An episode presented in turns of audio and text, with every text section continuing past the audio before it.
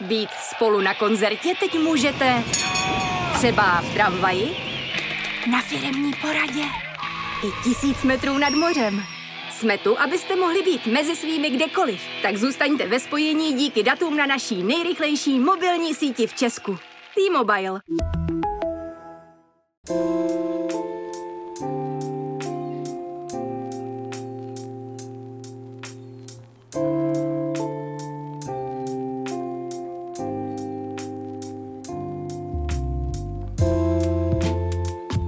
Vítám vás u dalšího vydání rozhovoru Jonáše Spořila. Mým dnešním hostem je spisovatelka Petra Hůlová, autorka, o které se tvrdí, že střílí do vlastních řad a jednoznačnost v ní vždycky vzbuzuje podezření. Petra Hůlová právě vydala nový román Nejvyšší karta. Jeho hlavní postavou je Sylvie Novak, úspěšná 50-letá spisovatelka, která zrovna vydala knihu feministických esejů. V soukromém životě ale Sylvie Novak bojuje se stárnutím a hádá se s vlastní dcerou Juditou, podle níž se Sylvie v mládí stala obětí sexuálního zneužívání. Filozofka Teresa Matějčková popsala nejvyšší kartu jako, cituji, mimořádný román o kulturních válkách v naší každodennosti. Publicisté Jan Bělíček a Eva Klíčová z literárního podcastu Tyledr zase tvrdí, že kniha Hůlové utíká do světa fikce, místo aby se ke konfrontaci s vlastní minulostí postavila čelem. Jsme pokrytci, když nežijeme podle vlastních ideálů? Co dělat, abychom zakopali kulturní a generační příkopy a opravdu nás drtí tyranie dobra? Na to všechno a možná ještě víc se budu ptát Petry Hulové.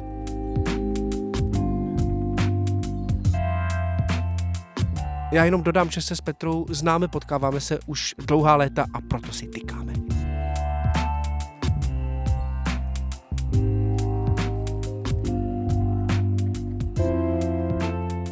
Já tě vítám, Petro. Ahoj. Ahoj. Hrdinka románu Nejvyšší karta Silvie Novak vydala knihu feministických esejů. Je úspěšná spisovatelka, kterou trápí vlastní stárnutí, ale přiznává, eh, cituji, mé vlastní ohledy vůči starším ženám zůstaly v dobách mého mládí bez výhrad vždy v rovině teorie.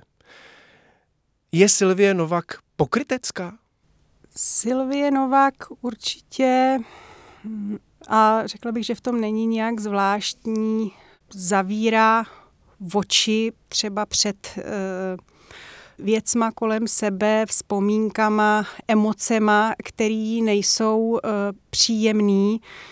Nevím, jestli tohle výběrový e, vnímání reality a určitý přizpůsobování reality sobě samýmu je pokrytecký eh, v tom smyslu, myslím, že jsme pokrytci eh, všichni. Sylvie má autobiografické prvky, to znamená, je ti dost podobná v něčem, ale v rozhovorech zdůrazňuješ, že zároveň samozřejmě nejste jedna a tatáž osoba. V čem je ti blízká a o čem byste se naopak pohádali?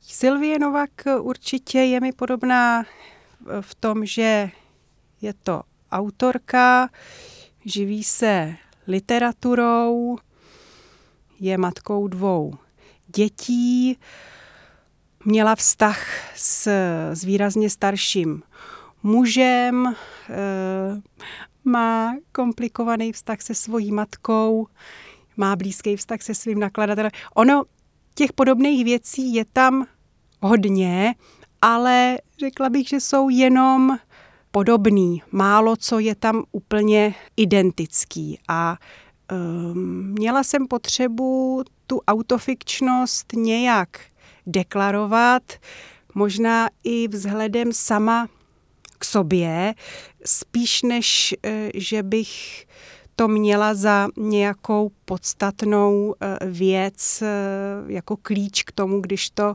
čteš nebo když to lidi čtou.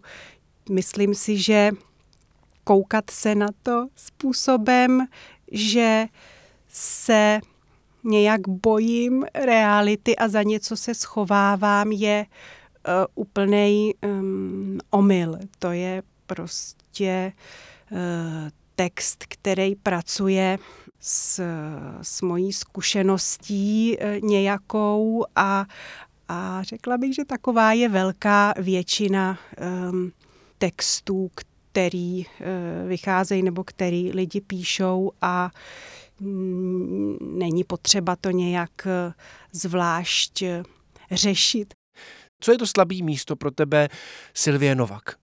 Myslím, že je v nějakém ohledu vlastně hrozně nezralá a dětinská, co se týče toho, jak lpí na svým mládí a nedokáže svoje stárnutí nahlídnout eh, z nějakého nadhledu a smířit se s tím procesem. Ona furt vlastně nějak se jako bouří té nevyhnutelnosti toho procesu, toho svýho stárnutí a je v tom eh, hrozně nezralá a, a, a zranitelná a vlastně e, směšná při tom, jak třeba mm, je to zároveň e, ženská, která je nějak, mm, dejme tomu,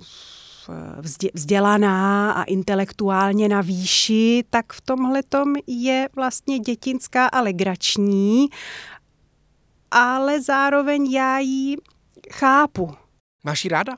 Mám ji ráda, mám všechny ty eh, postavy eh, z té knížky ráda. Myslím, že to je podmínka toho, aby mohli um, nějak um, pro mě fungovat, že k ním musím mít nějaký nenutně kladný vztah, ale chápající.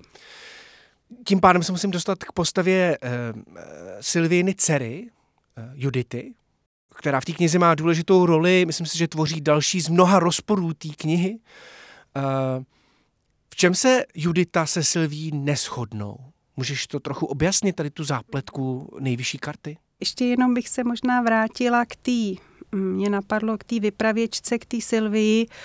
Ona vlastně vztahuje eh, nějakým způsobem to svoje stárnutí mm, k feminismu, k tomu, jak ona chápe feminismus. Myslím, že to může být taky zdrojem nedorozumění nebo ne, nepochopení nebo nesouhlasu, co se týče čtení té knížky, jako jak vlastně souvisí feminismus s tím, že člověk jako stárne a přichází o e, svoji atraktivitu, dejme tomu.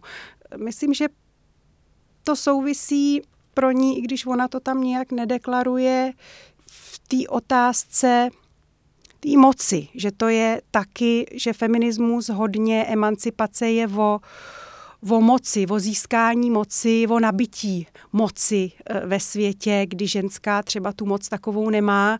A, e, a to stárnutí je něco, co myslím, že ženské jim tu moc bere výraznějším způsobem než chlapům. To je a myslíš si, taková Jasně, odbočka. ale myslíš si, že je nutný feminismus definovat takhle? Já jsem si třeba feminismus definoval spíš jako něco, co říká, že nemusíme všichni řešit moc, ale že se můžeme soustředit třeba na péči, že se můžeme že se můžem, uh, že se můžem na tuhle tu mocenskou strukturu světa zkusit vykašlat a podívat se na něj a na to fungování v něm jinak. Že nemusíme všichni hledat, jako kdo bude mocnější a jestli se teďka o tu moc, jestli si tu moc jakoby vystřídáme, ale že si řekneme ne, tak zkusíme to jinak a budeme budem prosazovat jiný hodnotový hlediska, jiný způsob, jak, jak eh, spolu soužít.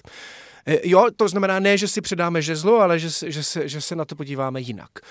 Eh, rozumím ti, myslím si, že vytknout před závorku je potřeba to, že feminismu je tolik a každý si to definuje jinak, že e, jako e, je hrozně těžký se o tom bavit tomu, co říkáš, já rozumím a, e, a beru to a vlastně se mi to líbí. Na druhou stranu si myslím, že vykašlat se na moc není možný, že žijem ve světě, který je tou mocí definovaný a feminismus pro mě hodně je o tom o tom demaskování určitých mocenských struktur, ale chápu, že eh, pro tebe může být hlavní důraz na tu péči a je to taky absolutně relevantní. Ale pro mě ta moc jo. je tam důležitá. Ta, stává se ti to, co Silvii? To znamená, že veřejně vystupuješ jinak než v soukromí, nebo že něco hlásáš a něco jiného žiješ? Myslím, že nějakým způsobem to děláme všichni, že, že něco jiného žijeme, než uh, hlásáme. Co si teda nechceme přiznat? Že stárnutí je nefér? Že ženy budou vždycky stárnout tragičtěji než muži? Genderové vztahy můžou být ovlivněný věcma, které jsou daný. Myslím si, že všechno není otázka uh, výchovy, vzdělání. Jsem v, určitém, v určitých ohledech e, biologický determinista, když to řeknu úplně takhle, ale zároveň není nutný se kvůli tomu ani házet flintu do žita, ani jako se věšet na lampu, což myslím si, že tak je trochu ta debata eh, dneska definovaná, že je to něco jako synonymum jako ve, ve, velkýho ne, velký hrůzy, protože jakmile bychom si to eh, připustili, tak to znamená, že není možný s věcma pohnout, není možný e, dosáhnout nějaký e, finální mm, jaksi rovnosti, kterou zároveň já pokládám za koncept, který e, je pro mě s otazníkem a jako určitý typ idealismu, který může být i eh, jako zaslepený a ve svém důsledku škodlivý, škodlivý a, a krutej, jakkoliv, eh, jakkoliv se prezentuje jako něco, co má ten svět eh, zlepšovat. Ale to už je druhá věc. Ale to, že, má, že se pohybujeme na nějakým hřišti vymezeným, tak tohle přijmout a zároveň s tím pracovat a jít dál, eh, mně možná přijde jako mm, něco, eh, co by bylo fajn, kdybychom viděli, ale my to vidět nechceme. Žijeme protiklady. Žijeme protiklady, žijeme věci, které jako nenacpeš pod jednu střechu. A Někdy mám pocit, že my chceme to nějak nadspat pod tu jednu střechu, aby to jako navzájem všechno jako pasovalo a bylo v souladu a mířilo nějakým hezkým směrem. Ale já prostě myslím, že z definice toho, jak eh, já vnímám jako život a existenci lidskou, to prostě není možný. A tyhle ty snahy všechno vlastně pod tu jednu střechu jako dostat a jedný nějaký myšlence to podřídit, končej e, nedobře. No. To mě dost e, odkazuje k tomu, co si nedávno napsala na Facebook, e, cituju, stejná skupina lidí, co jinak s oblibou tvrdí, že hranice nejsou důležité, by za neměnost těch ukrajinských byla ochotna obytovat v podstatě neomězené množství dětské ukrajinské krve. Před chvilkou si říkala, že ten protiklad nevadí, že ty protiklady nevadí, že je jasný, že žijeme v protikladech. Není tohle přesně případ toho, kdy protiklady nevadí? Nedává tady přesně ten protiklad, tak jak ty ho akceptuješ, smysl? Mm-hmm. Já jsem ten post eh, psala a ono to z toho není zřejmý. Zbudilo to velkou eh, kontroverzi, myslím, že i proto, že to možná není zřejmý a, a možná i, i, i tak by to vzbudilo velkou kontroverzi, z jakého nějakého místa je to psaný. Byla to reakce na skládání se na raketomet, na to, že vlastně občani se jako skládají na e, nějakou eh, zbraň válečnou někde na Ukrajině.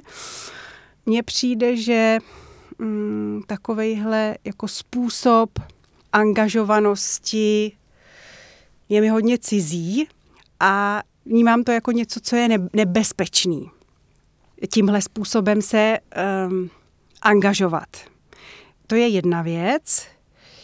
A druhá věc je ta, že válka v té rovině jako osobní, myslím si, že může mít často doopravdy podobu toho neštěstí, který se děje tvým blízkým, s tím, že je ti doopravdy upr ten širší obraz té věci. Jo, jako kde už ty hranice budou narýsované a jak si to tam nahoře mocensky rozdají, prostě. Takže to jsou nějaký jako dvě, dvě věci, které jsem měla na mysli, když jsem to psala. A celý je to jako orientovaný dovnitř té debaty tady eh, v Čechách. Jako absolutně nechci komukoliv eh, radit eh, na Ukrajině, jako co, jakým způsobem dělat nebo cítit. No. Hmm. Ale jako neuvěřitelným způsobem jsem se dotkla hrozně moc lidí, což je mi líto a překvapilo mě to. Zároveň to prostě vzešlo autenticky z nějakého mýho přemýšlení o té věci, který určitě uh, může být bezprávný jako cokoliv, co říkám o čemkoliv.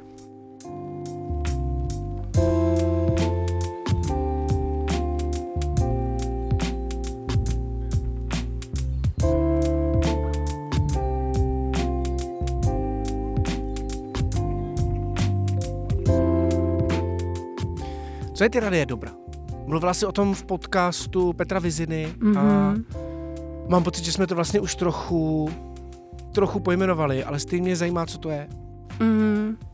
Tyranie dobrá, dá se to popsat různě, e, možná se to dá popsat jako určitý typ pocitu, který někdy mám ve veřejném prostoru a který souvisí s tím, že zatímco to, co se deklaruje, je uh, nějaká větší otevřenost věcí, prostupnost, eh, ohleduplnost, eh, citlivost a tak dále, tak to, co já cítím, je, že se nacházím v prostoru, který se určitým způsobem zmenšuje a dochází v něm určitému utahování šroubů. Já jsem přemýšlel nad tím, jestli třeba to, že Judita Silvi říká, hele, tebe ale Jan Síra zneužil, tebe udělal něco špatného, aplikuje na ní tyranii dobra?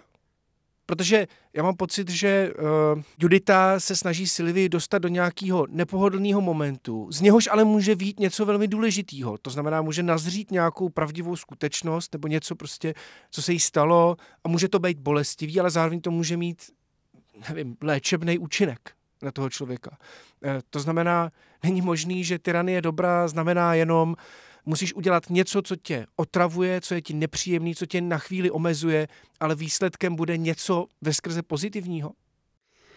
Ne, to, co říkáš ty, já bych jako tyraný dobra nenazvala. Ta podle mě neobsahuje ten krok eh, toho jako diskomfortu. To je vždycky nějaká jako nabídnutá e, ruka, otevřená možnost k tomu, e, že budou věci e, jaksi e, bezpečnější, e, transparentnější, e, přátelštější, citlivější. Tam není ten mezikrok e, přes ten diskomfort e, nikdy. E, to, o čem mluvíš ty, to je Juditina potřeba přivíst matku svojí k rozumu, nebo tak ona by to uh, nazvala. A já tomu absolutně rozumím a myslím, že to, co ona dělá, je úplně pochopitelný a na místě. Eh, stejně jako to, že ta její matka se tomu svým způsobem nebo rozhodným způsobem eh, brání a mně šlo o to vykreslit tady určitou podobu tohohle generačního konfliktu eh, s tím, že nechávám na každým jaká ta strana mu bude bližší. Snažila jsem se o to, aby pochopitelný byl i postoj e, matky, i postoj e, dcery. A myslím si, že to, komu ty jako fandíš, nebo kde tvoje srdce, u koho je tvoje srdce nebo, nebo, nebo názor, tak e, vypovídá e, asi o nějakých třeba tvých e, prioritách, nebo tak jsem si to představovala, když jsem to psala. Ten konflikt má nějakým způsobem otvírat tvoje vlastní přemýšlení o té věci. Určitě uh, jsem se nesnažila o to ukázat matku primárně jako prostě zabedněnou husu, ani uh, Juditu jako uh, zabedněnou husu. A mám bohužel pocit, že některý lidi mají pocit, že dokud já neudělám z jedné té postavy jako tu ženskou, která má pravdu jednoznačně a z druhé té postavy tu ženskou, která je blbá, tak jakoby ten text je pro ně nesrozumitelný a nechápou, kam se tím textem takzvaně míří, ale tím textem se míří právě k tomu, že ta jednoznačnost je často jako problematický koncept, jakkoliv eh, to jako jsou věci, které jako jednoznačný vnímám. Tomu rozumím.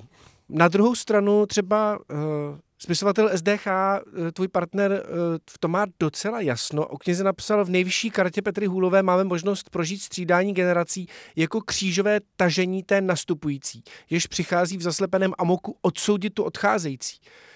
Ta interpretace toho, že Judita s šmahem odsuzuje svoji vlastní matku, se tam si někteří čtenáři najdou. Ty jsi to vlastně sama říkala, že to jde. A mě zajímá, jestli s tímhletím hodnocením souhlasíš, anebo jestli je pro tebe příliš vzdálené? Myslím, že to je právě e, to jedno z těch možných čtení. Zároveň by mě mrzelo, kdyby to bylo jediný možný čtení. Myslím si, doufám, že to e, jediný možný čtení není. Myslím, že stejně tak je možný se koukat e, na to Juditino tažení jako na něco, co je jako vlastně úžasně ozdravný a otvírající e, věci, který její matka si jako nechce připustit a odmítá se s nima srovnat a popasovat, jakkoliv je nejvyšší čas e, to udělat.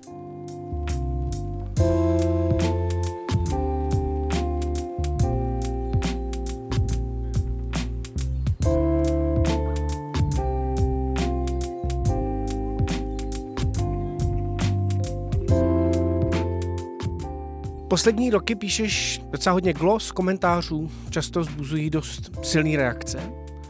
Vzala si na sebe roli Bůba? E, teď narážím na nejvyšší kartu. Bůb je troll, který, jak píšeš v knize, vydáváním se za svůj pravý opak ironizuje oponenty. To asi taky nevím, jestli je otázka na mě nějakým způsobem se takhle definovat.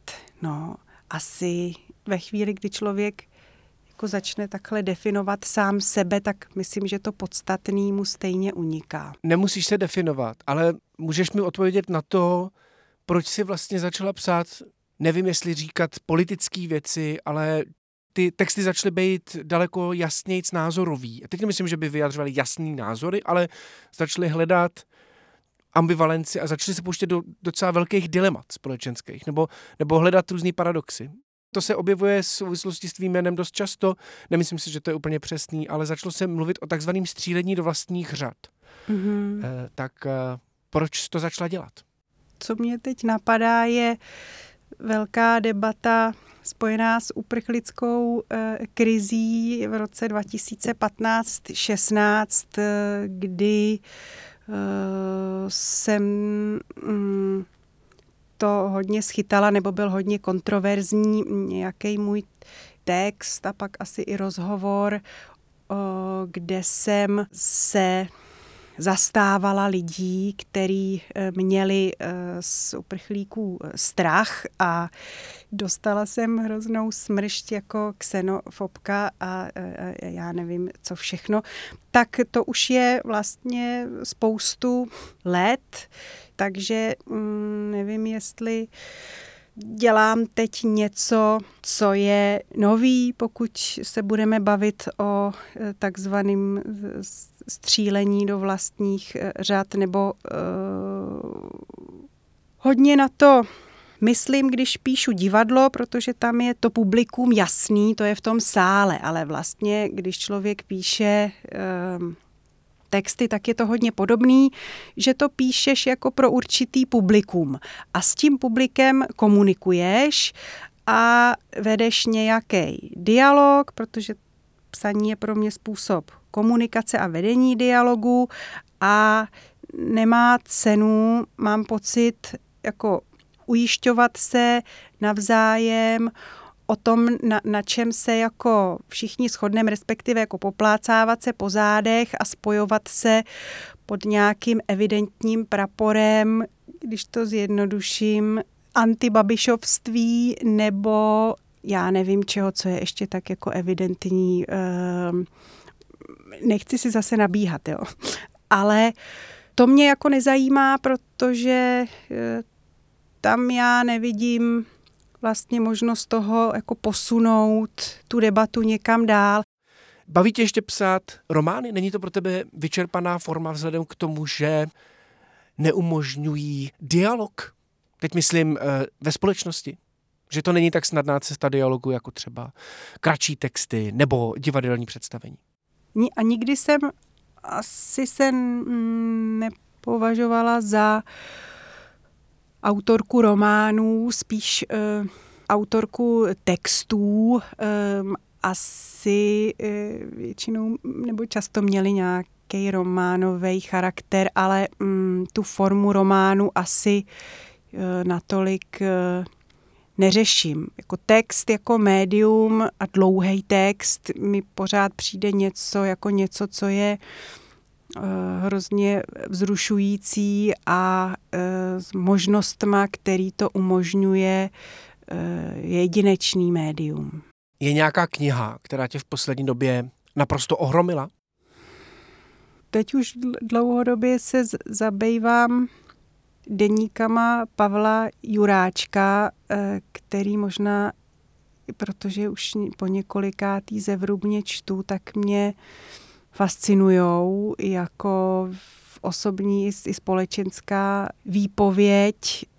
Vys k tomu našemu tématu mě napadá jeho pasáž o tom, jak eh, nemůže před Vaškem Havlem eh, říct eh, cokoliv eh, kritického eh, k chartě, aby to hned eh, neschytal, že jako podkopává autoritu svý vlastní jako názorový bubliny, tak to mně přišlo hodně vtipný. Dovnitř literárního provozu se vyjadřuješ, myslím, dost kriticky k podhodnocením literárním publicistům, k nepotismu, známostem a tak dál. A teď mě zajímá, co tě aktuálně na tom českém literárním provozu frustruje nejvíc. Aktuálně o tom jsem taky psala, mně přišlo nebo přijdou skandální stipendia, respektive dotace ministerstva kultury autorům, který ministerstvo vypsalo na konci minulého roku. A e, autoři mohli žádat o vlastně na poměry, je to obrovská částka, 100 tisíc, respektive uh, autoři prózy, poezie jenom 30 tisíc na mm, svůj tvůrčí záměr.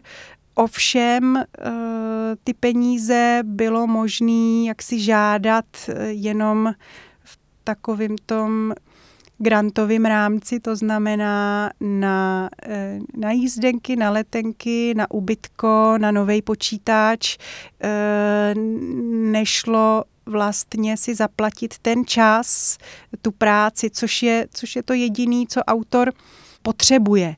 Čili mm, já jsem si to sama pro sebe překřtila na jako workshop uh, lhaní ministerstva kultury, protože to vlastně nešlo o ty peníze žádat jinak, než že člověk uh, jako vy, vymyslel si ty věci, aby se k těm penězům vůbec nějak dostal. A to mně přijde eh, nejenom skandální, ale pak i jako kompromitující pro ty autory jako takový, který ministerstvo vlastně nutí lhát a pak se ocitají jako v, eh, v pozici jako jednak nedůstojný, druhak vlastně eh, eticky jako diskreditující a je to celý nehorá, nehorázný, že vůbec k něčemu takovému dojde, tak to mě v poslední době nejvíc eh, naštvalo. Silvie Novak hodně vzpomíná na 90. až 0. léta v literatuře české a eh, mě zajímá, jestli to v té době bylo lepší. Jestli literární provoz byl eh, lepší. Já si ty devadesátky v tom literárním provozu nepamatuju, protože jsem ještě v žádném literárním provozu nebyla. V tom alarmím podcastu je něco jako, že ta knížka se odehrává za deset let nebo něco, což je úplný e, nesmysl. Jenom ta autorka je o deset let e, starší než e, já, ta vypravěčka, takže taky začala výrazně dřív než já, takže to mládí, na který ona vzpomíná v 90. letech, tak já jsem zažila e, na Gimplu a ten literární provoz si až jako pamatuju víc v nějakých těch rozjetých nulkách. Ty jsi se ptal, jestli to bylo lepší než teď? Ne, nebylo to lepší než teď. Bylo to asi přehlednější, to se můžeme bavit o fungování literárního provozu. Vycházelo uh, míň věcí, člověk se s nás nějak uh, orientoval, ten práh toho, uh, té možnosti výjít byl vyšší, což ale zase neumožňovalo plno zajímavým věcem, aby, aby třeba vyšly, nebo jako bylo to asi všechno v menším a svým způsobem pře, pře, přehlednějším, ale to není nic, co by, na co by šlo vzpomínat s nějakou nostalgií. Myslím si, že vyhledáváš ambivalenci, že vyhledáváš paradoxy. Je něco, co považuješ za své dogma? Za něco, co je nerozporovatelné, čemu úplně naprosto totálně věříš? No, Děti na prvním místě. Díky za rozhovor. Díky.